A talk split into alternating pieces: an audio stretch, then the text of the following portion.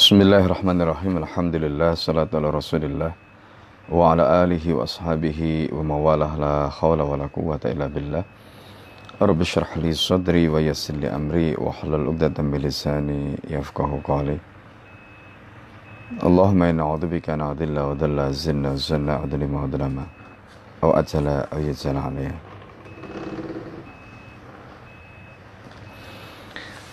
Saudara-saudara sekalian yang dimuliakan oleh Allah, pada pagi hari ini kita akan melanjutkan kajian kita yaitu kajian kitab yang saya tulis dan diterbitkan oleh Al Azhar Press. Kitab yang akan kita kaji adalah kitab Ulumul Quran, ya, kitab Ulumul Quran. Jadi yang belum silakan membeli. Yang belum punya silakan membeli dan dibaca, dipelajari. Eh, pertama, setelah kita membahas pada pertemuan yang lalu terkait dengan pengantar secara umum mengenai ulumul Quran, kemudian eh, bagaimana ulama-ulama di masa lalu mereka mengkaji masalah ini, maka pada bagian ini kita akan masuk pada pembahasan tentang uh, Al-Quran, kemudian uh, apa yang kita butuhkan ketika kita hendak menjelaskan atau menafsirkan Al-Quran. Seperti yang lalu kita sudah bahas, Al-Quran itu didefinisikan oleh para ulama sebagai kalamullah al-mu'jiz.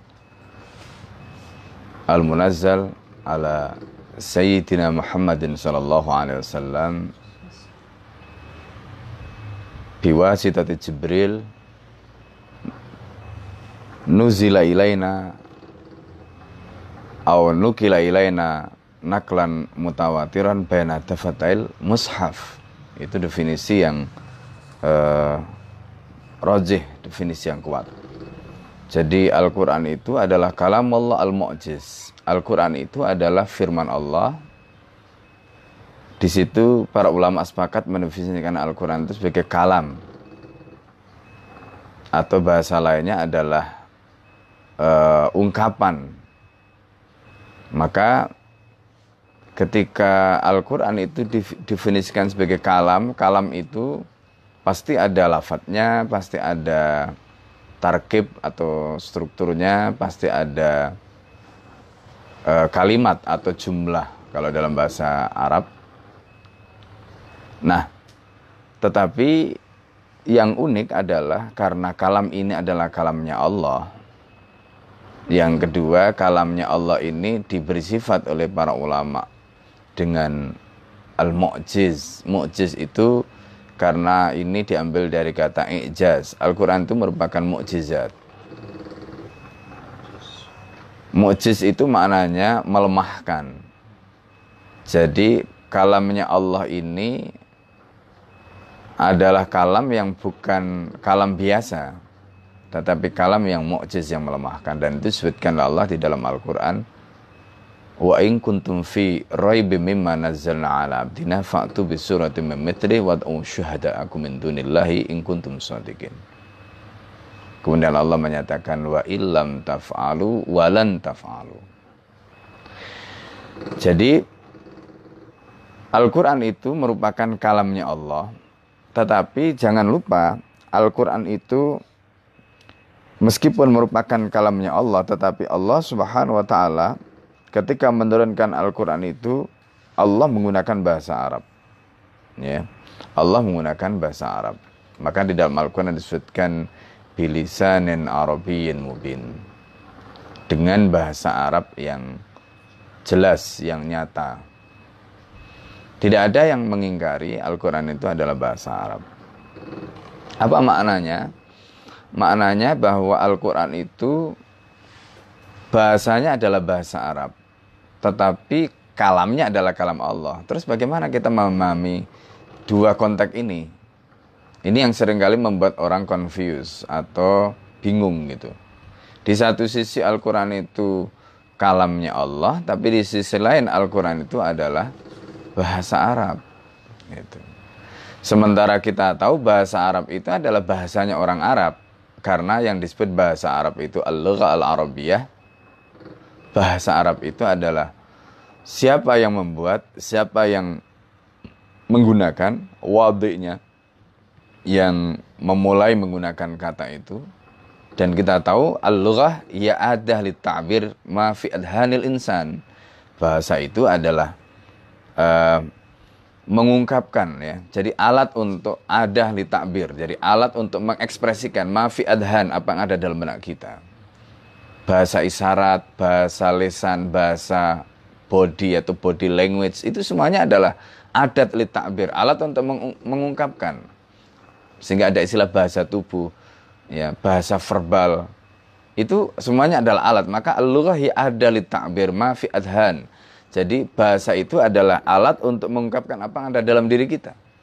Maka bahasa itu sebenarnya adalah manusiawi, artinya bahasanya manusia. Itu.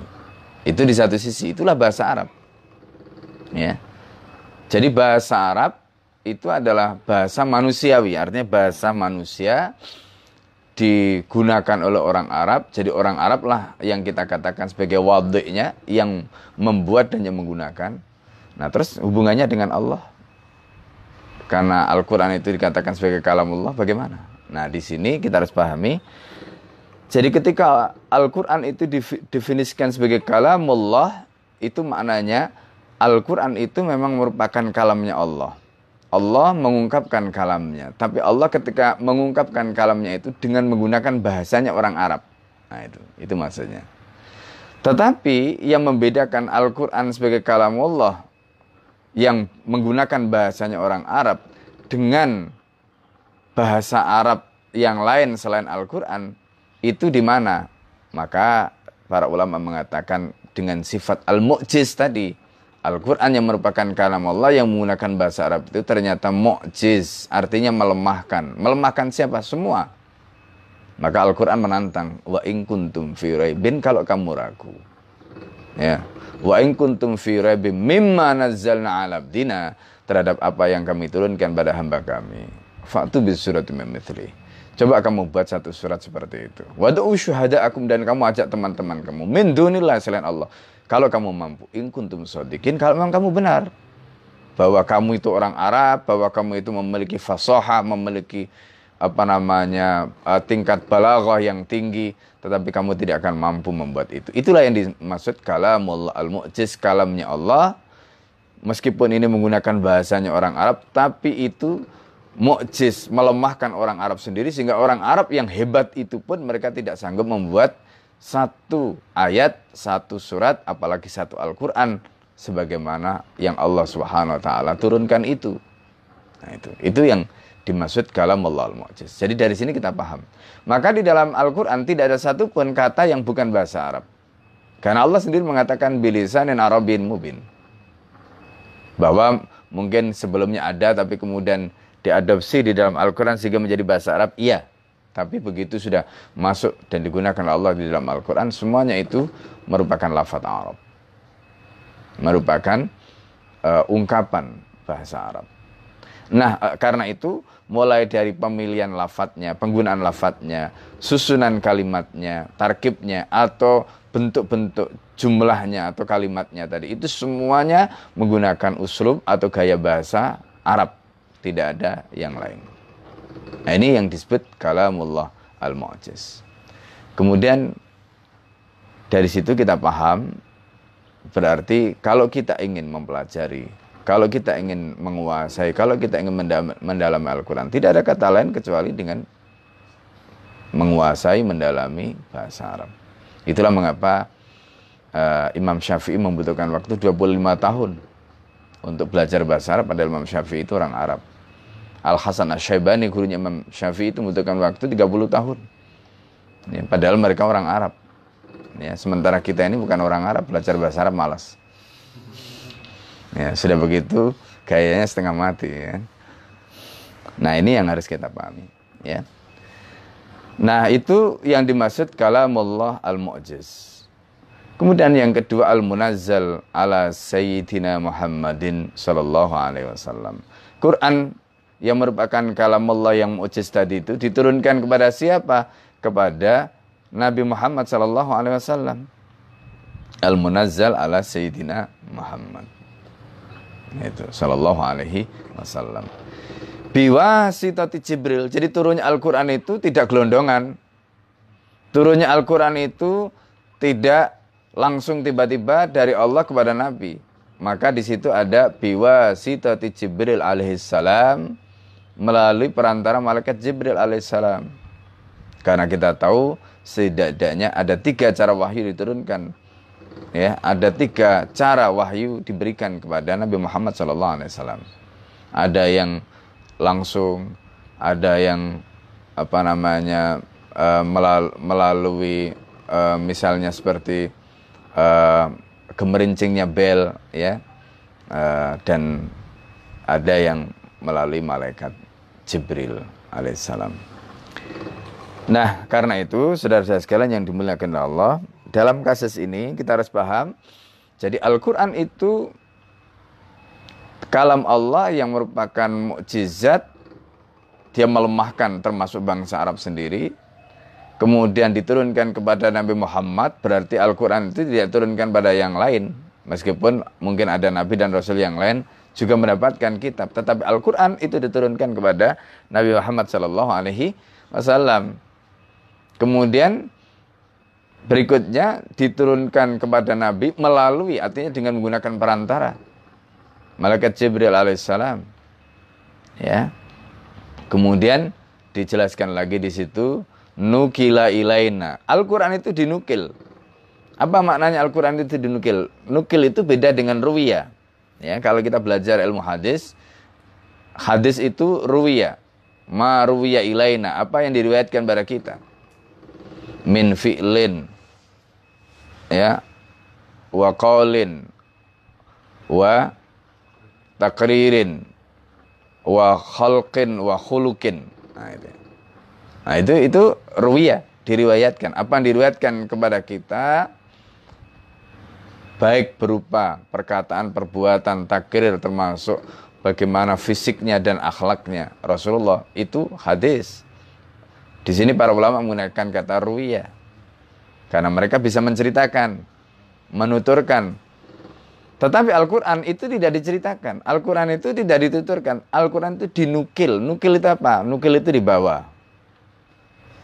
Nukil itu dibawa. Maka apa yang dibawa oleh malaikat Jibril dari Allah kepada Nabi Muhammad itu nggak ditambah, nggak dikurangi. Itu maknanya nukila. Jadi dari Allah seperti itu dinukil oleh malaikat Jibril kepada Nabi. Kemudian Nabi menyampaikan pada kita, kita juga begitu menukil karena itulah maka Al-Quran berbeda dengan hadis. Mulai dari segi pembukuannya, mulai dari segi penyampainya, transmisinya dari Nabi kepada kita itu berbeda. Pembukuan Al-Quran itu sudah dilakukan sejak zaman Nabi. Dan dilakukan di depan Nabi. Kalau hadis itu dilakukan setelah Nabi.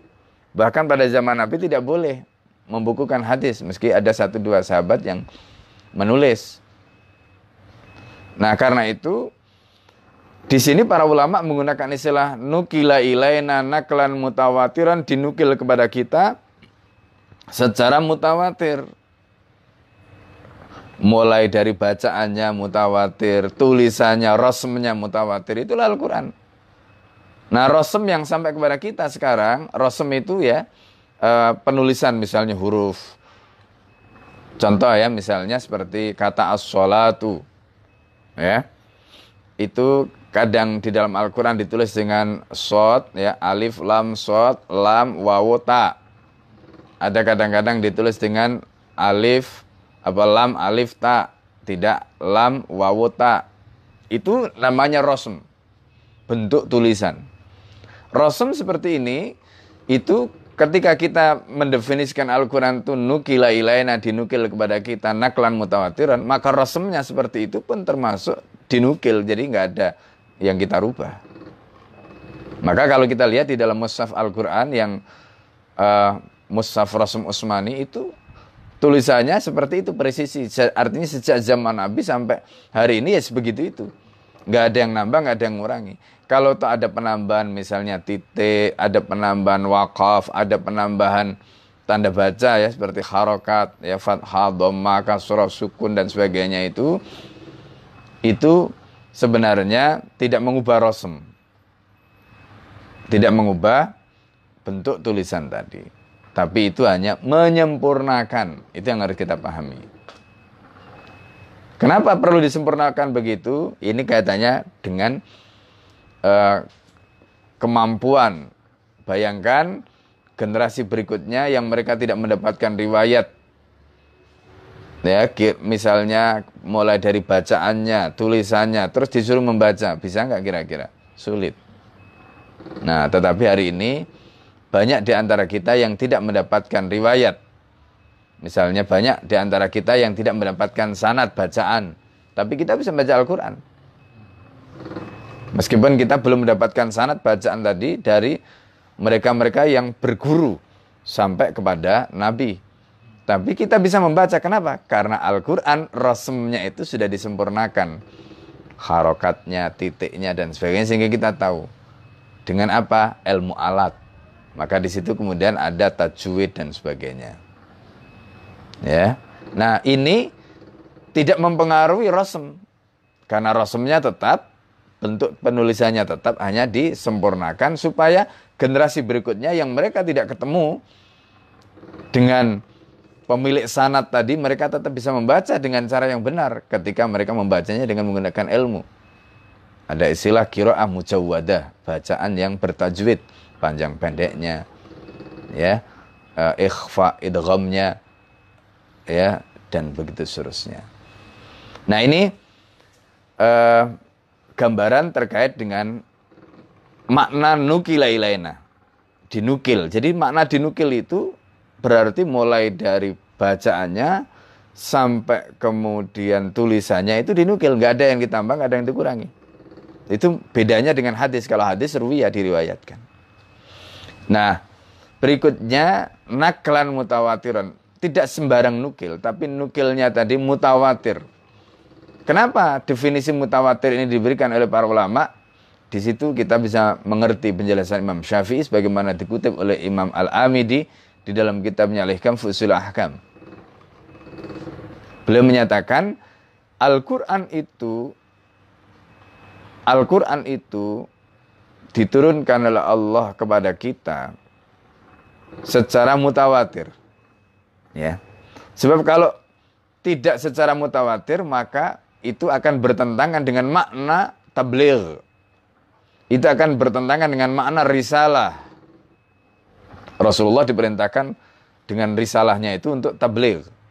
Ya kalau tablignya hanya pada satu orang kan itu bertentangan dengan makna tabligh, bertentangan dengan makna risalah. Di mana risalah dan tabligh itu meniscayakan, mengharuskan. Rasul menyampaikan secara terbuka kepada banyak orang. Nah karena itu sifat dari risalah dan tabligh itu mengharuskan ya jamun, ghafir, jumlahnya banyak dari berbagai kalangan. Itu sifat dari tabligh dan risalah. Oleh sebab itu Imam Syafi'i mengatakan Al-Quran itu dinukil kepada kita secara mutawatir. Dari situ beliau kemudian menolak misalnya mushaf-mushaf atau riwayat yang ahad. Ya, masing-masing sahabat punya. Ada apa mushaf-mushaf sahabat. Mereka punya masing-masing ada makanya ada istilah uh, mushaf ahad.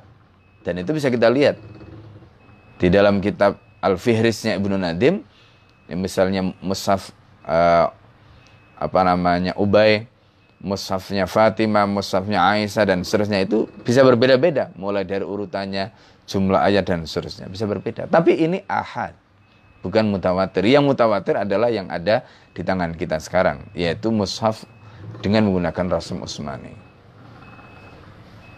Nah, itulah makna nukila ilayana naklan mutawa tiron.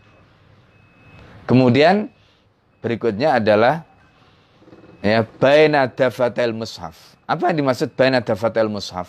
Di antara dua ujung mushaf. Mana ujungnya? mulai dari surat Al-Fatihah karena itu yang menjadi umul kitab sampai surat An-Nas. Itu yang dimaksud dafatai di antara dua ujung. Yang satu Al-Fatihah, ujung yang satu adalah An-Nas. Itulah Al-Qur'an.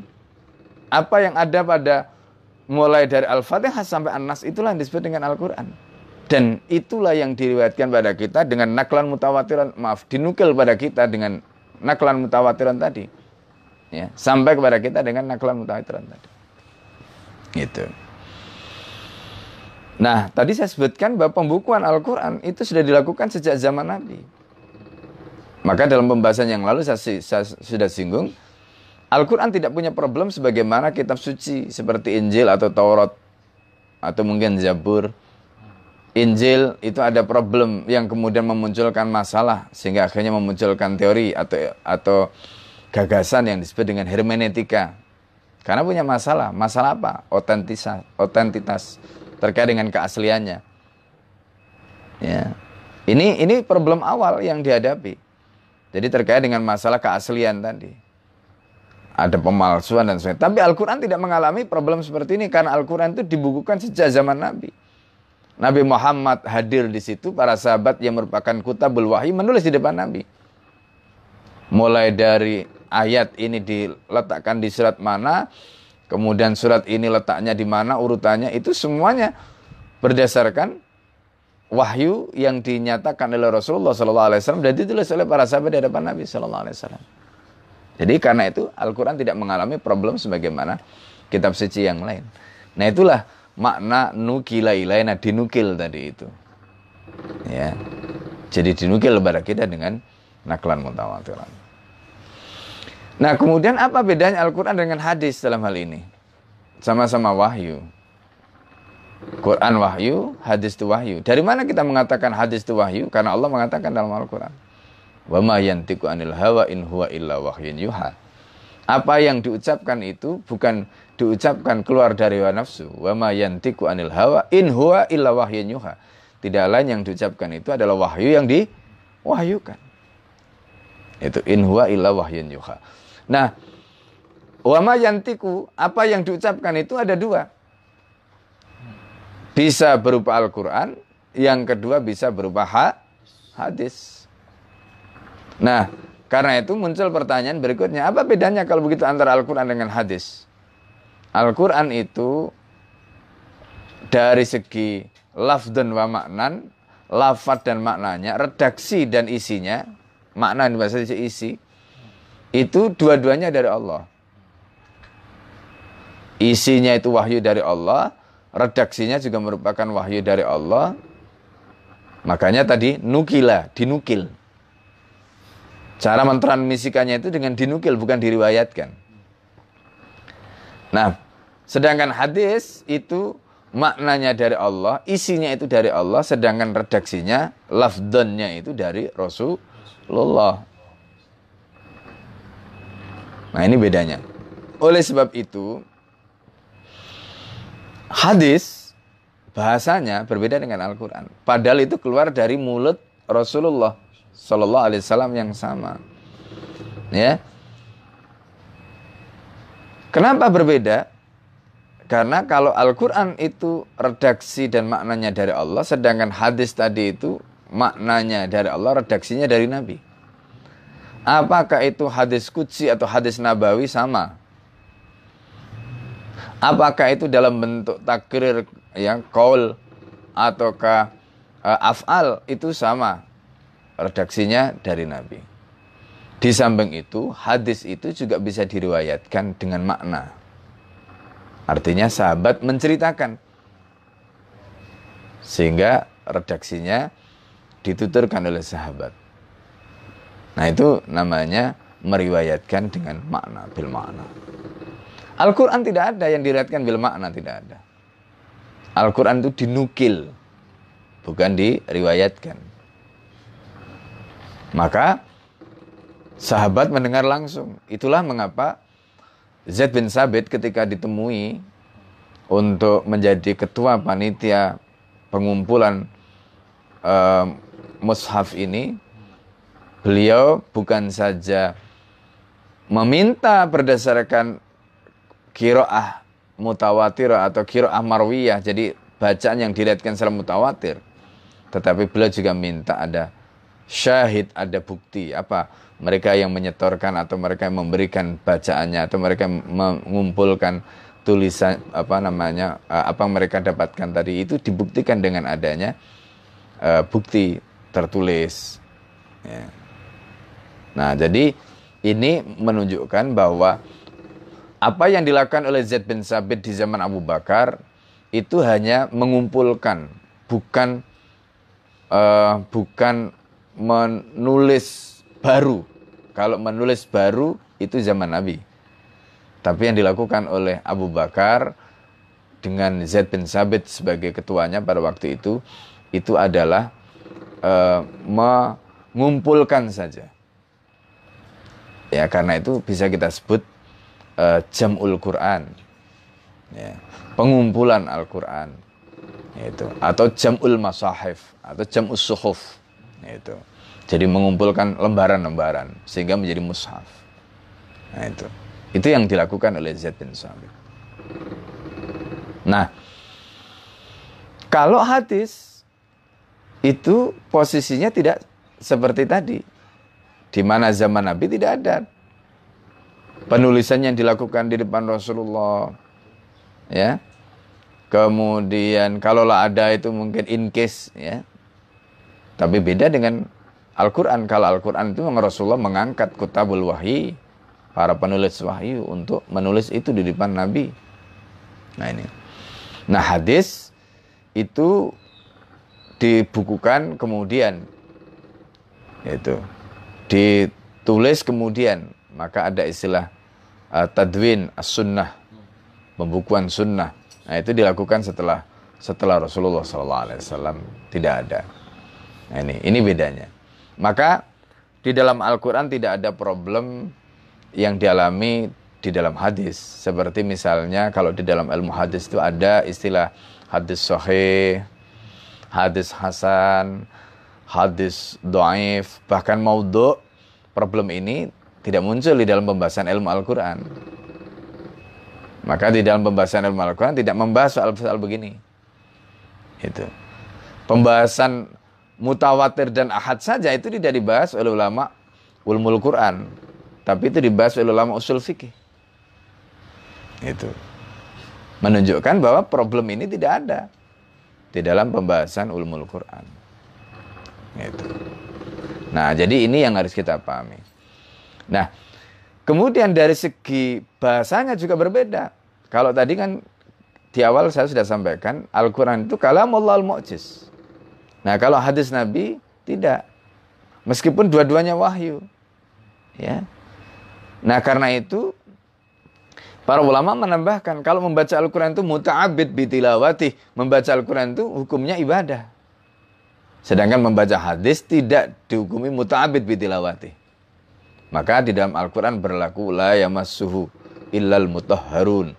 Dalam hadis disebutkan la yamassul Quran illa tahir. Itu penjelasan ayat tadi.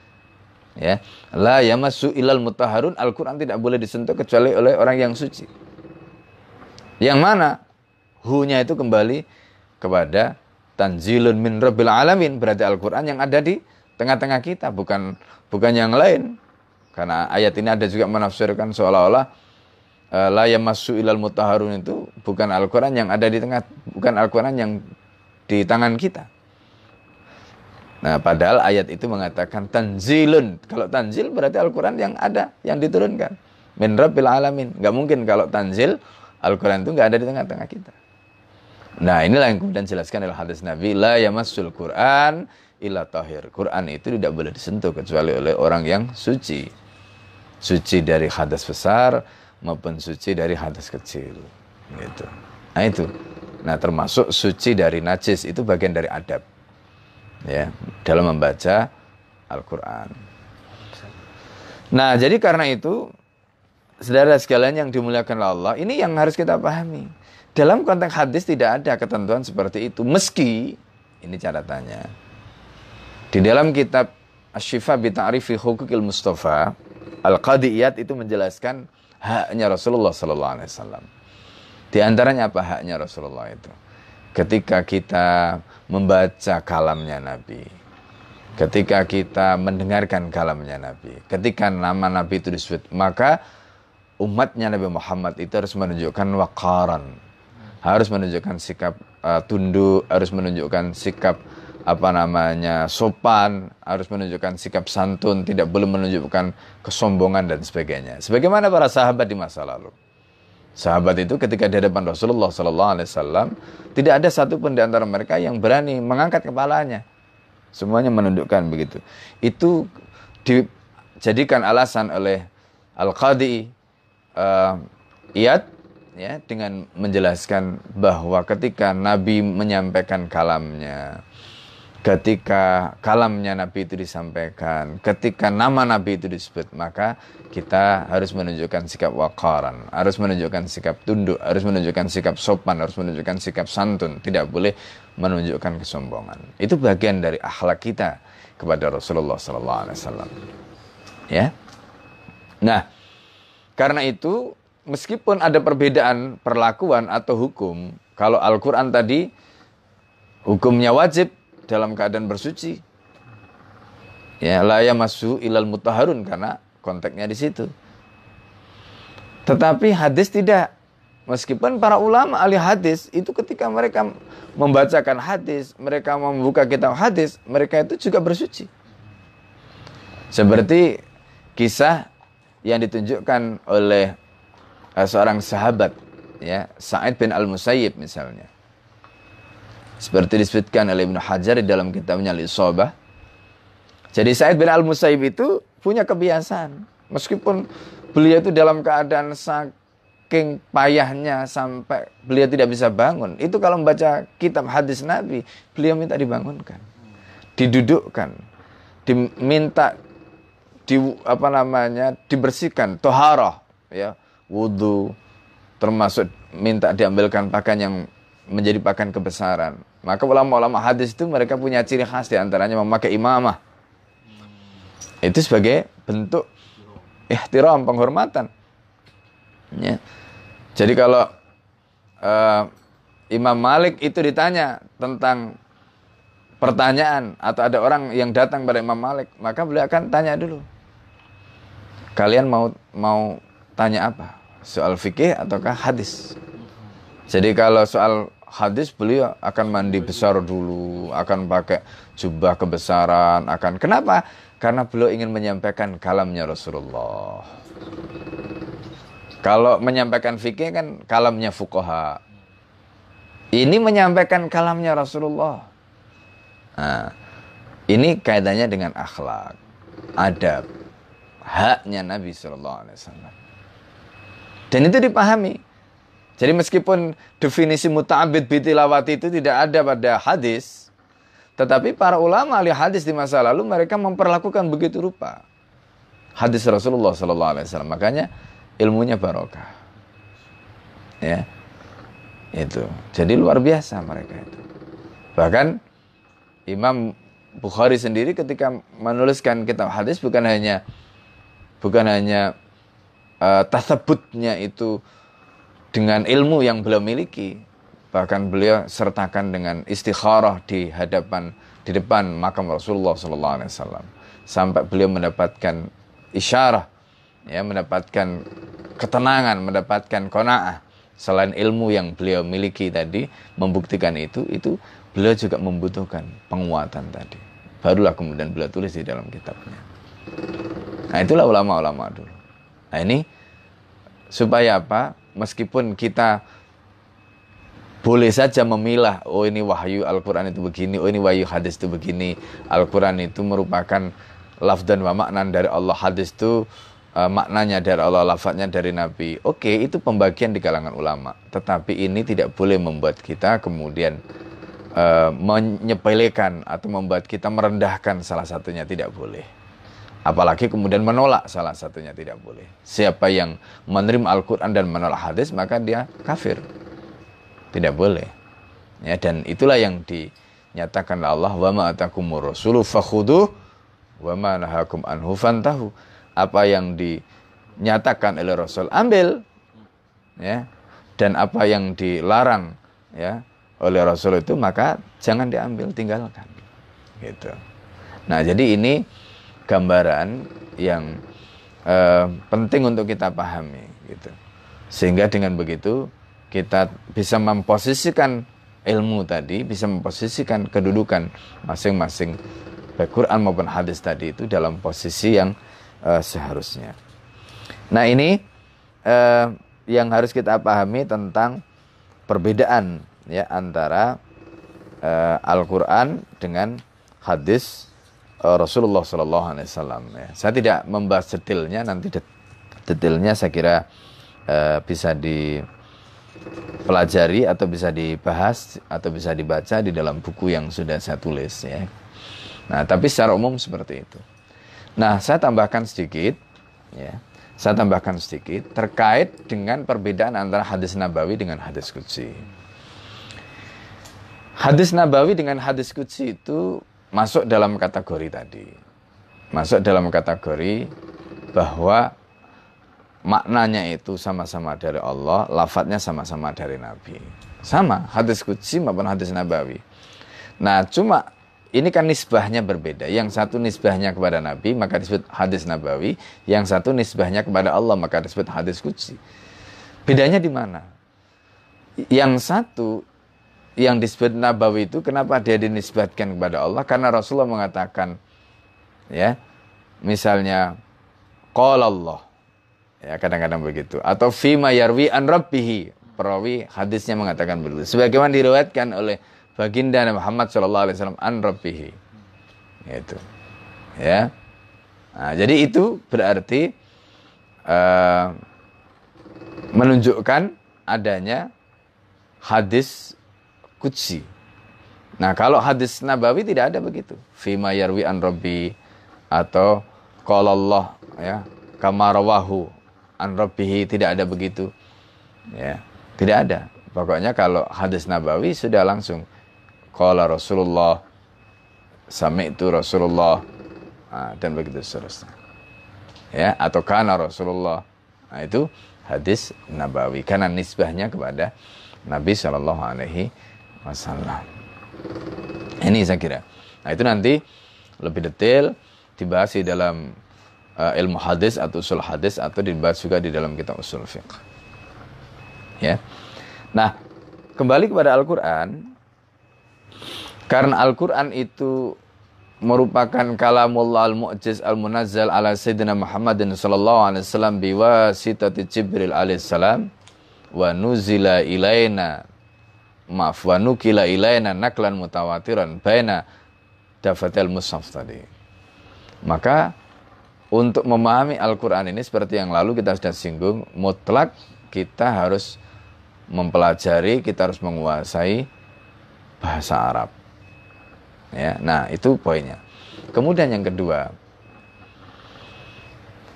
terkait dengan Al-Quran itu secara umum saya ingin ringkas, karena ini juga menjadi pembahasan di dalam ulumul Quran. Apa yang disebutkan oleh sebagian ulama, seperti misalnya Imam Az-Zarkasi dalam kitabnya Al-Burhan itu membagi Al-Quran itu isinya itu ada tiga. Nah kalau saya menggunakan pembagian Syekh Mahmud Saltut atau Al-Imamul Akbar Mahmud Saltut di dalam kitabnya Al-Islam Akidatan wa Syariatan itu kita bisa bagi Al-Quran, isinya Al-Quran itu sebenarnya menjadi dua saja yaitu akidah dan syari syariah. Isinya itu saja. Akidah dan syariah. Nah, nanti dibagi lagi. Akidah itu seperti apa ciri-cirinya? Mulai dari seruannya, khitabnya itu ada yang merupakan perintah untuk beriman atau masuk dalam kategori al-amru bi al-iman.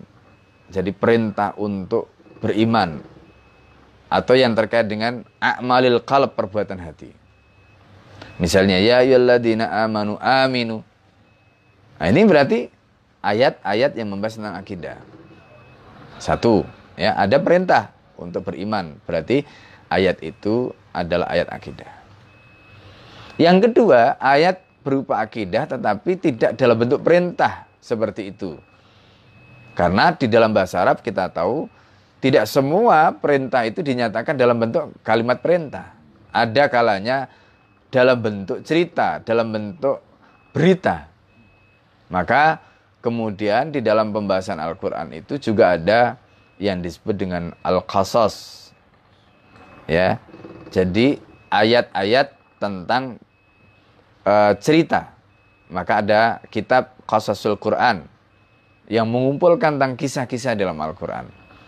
Ketika kisah-kisah itu diceritakan dalam Al-Quran, menceritakan kisah tentang umat atau kaum atau nabi atau rasul di masa lalu, ayat ini bagian dari akidah. Itu yang disebut dengan qasas. Jadi yang pertama tadi perintah terkait dengan iman, yang kedua itu kosos, ya berarti itu konteksnya dengan masa lalu. Nah, ayat seperti ini kalau kita gunakan itu konteksnya dengan akidah. Kalau kita beristidlal atau menggunakan dalil ayat-ayat seperti ini itu konteksnya dengan akidah, bukan konteksnya dengan hukum syara. Kenapa? Karena perintahnya berbeda. Bedanya di mana? Kalau akidah itu perintahnya adalah kita itu diperintahkan percaya atau tidak. Ya. Gitu. Sotiku ya kamu wajib meyakini, membenarkan, aulatu sotiku atau kamu tidak wajib membenarkan. Nah, itu itu konteksnya kalau akidah. Maka perintahnya tadi aminu atau ayat kosos tadi. Ayat kosos itu juga terkait dengan uh, akidah. Contoh misalnya kisah Nabi Adam, pertobatan Nabi Adam, ya penyesalan Nabi Adam. Ini ayat-ayat kosos, ya terkait dengan akidah. Maka kalau kita ditanya bagaimana sikap kita, kita harus yakin, kita harus percaya pada batas-batas yang dinyatakan di dalam nas tadi. Meskipun kemudian nanti di dalam tafsirnya itu kan bisa panjang lebar karena ada memakai Israiliyat macam-macam. Nah, yang ketiga masuk di dalam bagian dari akidah itu adalah ayat yang terkait dengan akhbar. Gitu. Apa bedanya kosas dengan akhbar? Kalau akhbar itu informasi bisa terkait dengan apa yang akan datang, berita-berita yang akan datang atau uh, bisyarah ya uh, yang akan datang. Nah, itu juga bagian dari akidah. Kiamat itu belum terjadi. Ya, kiamat itu belum terjadi. Beda dengan cerita-cerita umat terdahulu dan sebagainya karena kondisi tentang kalau kita bicara tentang kiamat ini kan yaumul akhir hari akhir nanti. Tapi Allah sudah menceritakan itu seolah-olah itu nyata. Nah, ini masuk dalam kategori akhbar. Ini juga bagian dari aki akidah. Meskipun mungkin di situ tidak ada perintah aminu ya. Tetapi ketika dia diceritakan dalam Al-Quran sebagai bagian dari akhbar tadi, maka itu bagian dari akidah. Nah ini cakupannya. Nah kemudian yang kedua adalah ayat yang terkait dengan syariah. Karena tadi itu akidatan wa syari, syariatan. Nah terkait dengan syariah itu bisa kita pilih. Ada yang terkait dengan alaqatun nas birabbihi, hubungan Allah dengan apa hubungan manusia dengan Tuhannya, dengan Allah. Nah, di situ masuk pembahasan ibadah. Itu syariah. Yang kedua ala nas bi nafsihi. Ala qatul insan bi nafsi hubungan manusia dengan dirinya. Di situ ada akhlak, ada soal makanan, ada soal uh, pakaian. Ya. Nah, itu masuk di dalam pembahasan syariah. Dan yang ketiga ala qatul insan ay ala qatun nas bi ghairihi dengan yang lain, dengan sesamanya. Nah, itu ada masalah muamalah, ada jihad, ada dakwah dan seterusnya. Itu masuk di situ. Itu bagian dari uh, hukum syariah juga. Nah, jadi ini semuanya kalau kita peras isinya Al-Qur'an tadi itu dua. Yaitu akidah dan syariah. Nah, itu. Jadi akidah dan syariah. Nah, akidah tadi itu kalau kita preteli lagi, kita pilah lagi karakteristiknya tadi dalam Al-Quran itu bisa berupa khitab, perintah tentang iman tadi bisa berupa kosas, bisa berupa akhbar. Nah, konteksnya uh, syariah tadi itu bisa terkait dengan hubungan manusia dengan Allah. Di situ ada ibadah, bisa mulai dari sholat, zakat, puasa, haji, jihad. Kemudian hubungan manusia dengan dirinya, di situ ada akhlak, ada pakaian, ada makanan, minuman, dan seterusnya. Terus bisa terkait dengan uh, muamalah atau ala kotul insan bi ada ekonomi, ada politik, ada uh, uh, macam-macam ya seperti hudud jinayah dan itu bagian dari yang kedua ini ala kotul insan bi ghairihi. Jadi secara umum seperti itu. Nah ini kalau kita bicara dalam konteks isinya Al-Quran. Nah karena itu Quran itu merupakan kitab tasyri. Nah itu. Quran itu merupakan kitab tasyri. Isinya yaitu tadi. Kitab perundang-undangan yang mengatur seluruh aspek kehidupan kita. Itulah mengapa Allah mengatakan al-yauma akmaltu lakum dinakum wa atmamtu alaikum nikmati wa raditu lakum al-islam Karena Islam sumbernya Al-Quran tadi dan Al-Quran itu merupakan kitab tasyri' kitab tasyri' isinya tadi mulai dari akidahnya seperti apa syariahnya seperti apa tadi semua detail di dalam Al-Quran.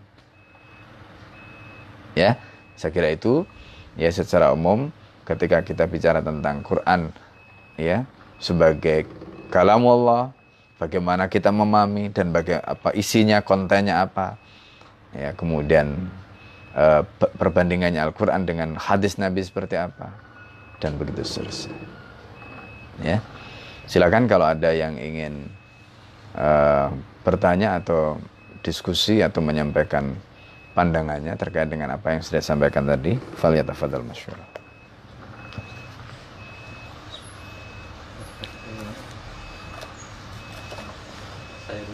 Ya, fadal. Bismillahirrahmanirrahim.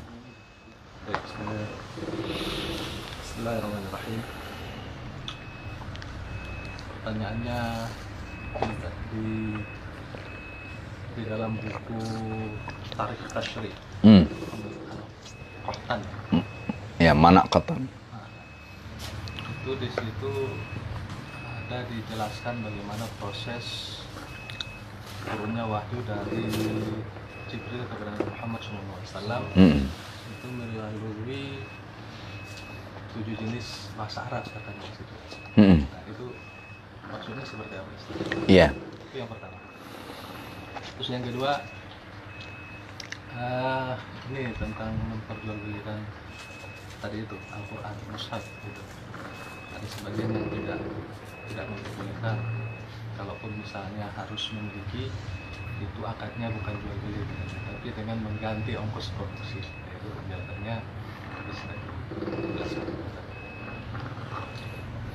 yang pertama apa yang dimaksud dengan sab'at akhruf? Jadi yang yang dimaksud dengan tujuh bahasa itu sab'at akhruf. Jadi Al-Quran itu dinyatakan dalam tujuh akhruf. Akhruf di situ yang dimaksud dialek. Ya. Tujuh dialek. Nah Tujuh dialek itu apa saja? Nah, di antaranya di situ ada dialek Quraisy, ada Hudail, dan seterusnya. Itu ada tujuh semua, bisa dibaca di dalam kitab Dirosat Fil Fikr Islam yang ditulis oleh uh, Ustadz uh, Hussein Abdullah. Itu ada ya. Nah, di situ ada rinciannya. Nah, itu yang dimaksud sab'at akhruf. Nah, sab'at akhruf itu berbeda dengan kiro asabah. Nah itu berbeda. Ya, bahkan ada juga kira asyroh. Nah itu berbeda.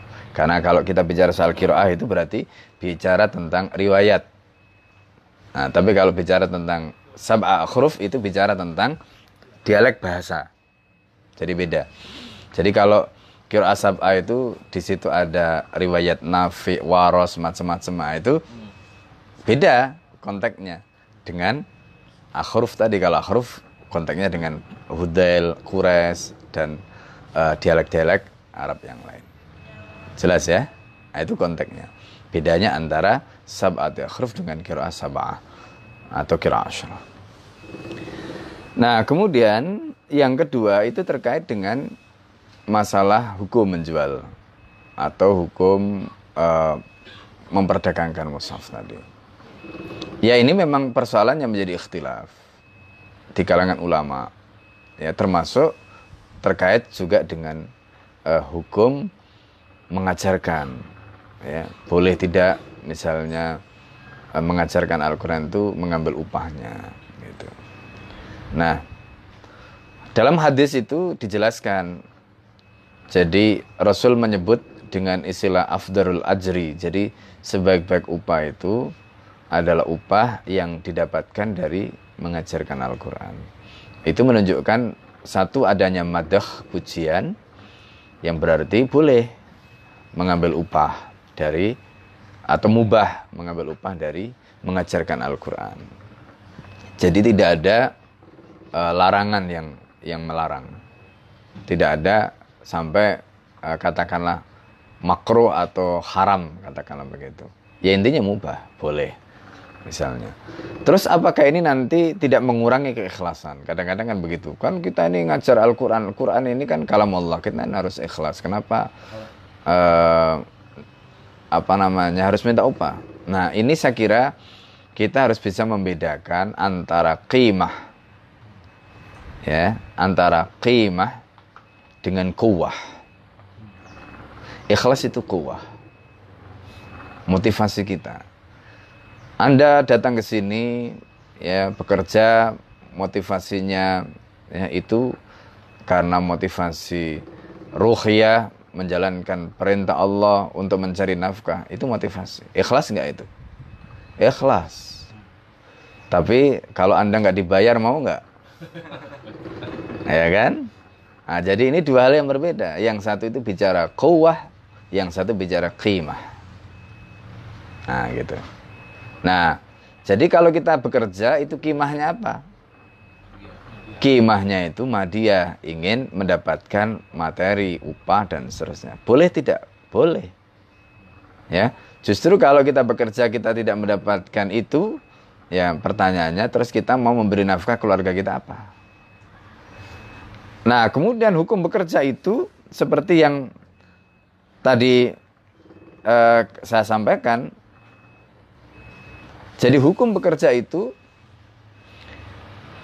kalau kita merujuk kepada definisi para ulama bahwa pekerja itu adalah akdun alal manfa'ah iwadin melakukan akad untuk jasa dengan kompensasi.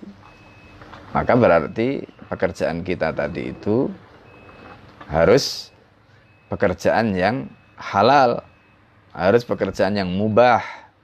Tidak boleh pekerjaan yang haram ya atau kalau makruh pun harus dijauhi. Itu. Jadi misalnya e, kerja di tempat kotor itu makruh. Ya, meskipun meskipun boleh tapi makruh. Ya, carilah pekerjaan yang lebih baik. Gitu. Nah, mengajarkan Al-Quran, maka tadi saya katakan itu ibadah. Diperintahkan khairukum man ta'allama al-Qur'an wa 'allama kan begitu. Bahkan Nabi mengatakan sebaik-baik kalian adalah orang yang ya ta'allam al-Qur'an, mempelajari Al-Qur'an wa 'allamah dan mengajarkan. Berarti ini kan luar biasa. Kemudian yang kedua, kalau ini luar biasa amalnya, berarti akad ijarah terkait dengan amal yang luar biasa tadi itu juga diperbolehkan. Maka Nabi sampai menyebut afdalul ajri. Jadi upah yang paling baik. Karena memang ini khairukum. Man ta'allama al-Qur'an wa 'allama. Itu konteksnya. Jadi kalau ada yang berpendapat bahwa ini tidak boleh apa namanya di uh, perdagangkan atau dimintakan upah dan seterusnya itu konteksnya tadi karena kaitannya dengan kuah tadi mencampurkan antara kimah dengan kuah, nilai apa yang dia ingin dapatkan dan motivasi ketika dia melakukan amal. Itu sama kasusnya nanti dengan jual beli mushaf tadi itu. Ya.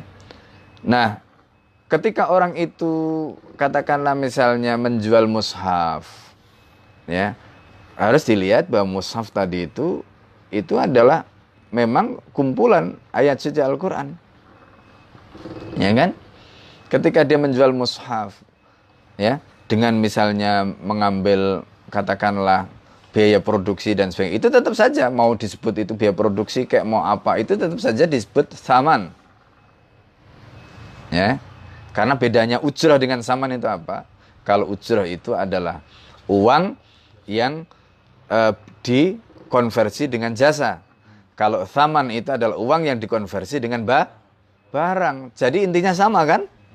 Kalau dalam konteks ujrah atau akad ijarah tadi boleh, maka dalam akad baik juga bo boleh.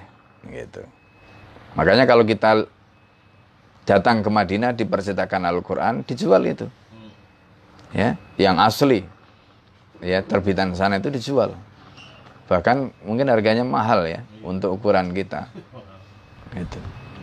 Nah, jadi ini yang harus kita pahami. Soal mereka ngitungnya, oh ini cuma kita ganti ongkos cetak saja, itu urusan mereka lah gitu. Tapi kan yang jelas hukumnya boleh, gitu, boleh, nggak ada larangan. Ya, itu saya kira. Saya kira cukup ya. Ya, sampai di sini karena saya harus mengisi lagi. Ya, kita tutup dengan baca doa kafaratul majlis. Subhanakallahumma hamdika asyhadu an la ilaha illa anta astaghfiruka wa atubu ilaik. Assalamualaikum warahmatullahi wabarakatuh.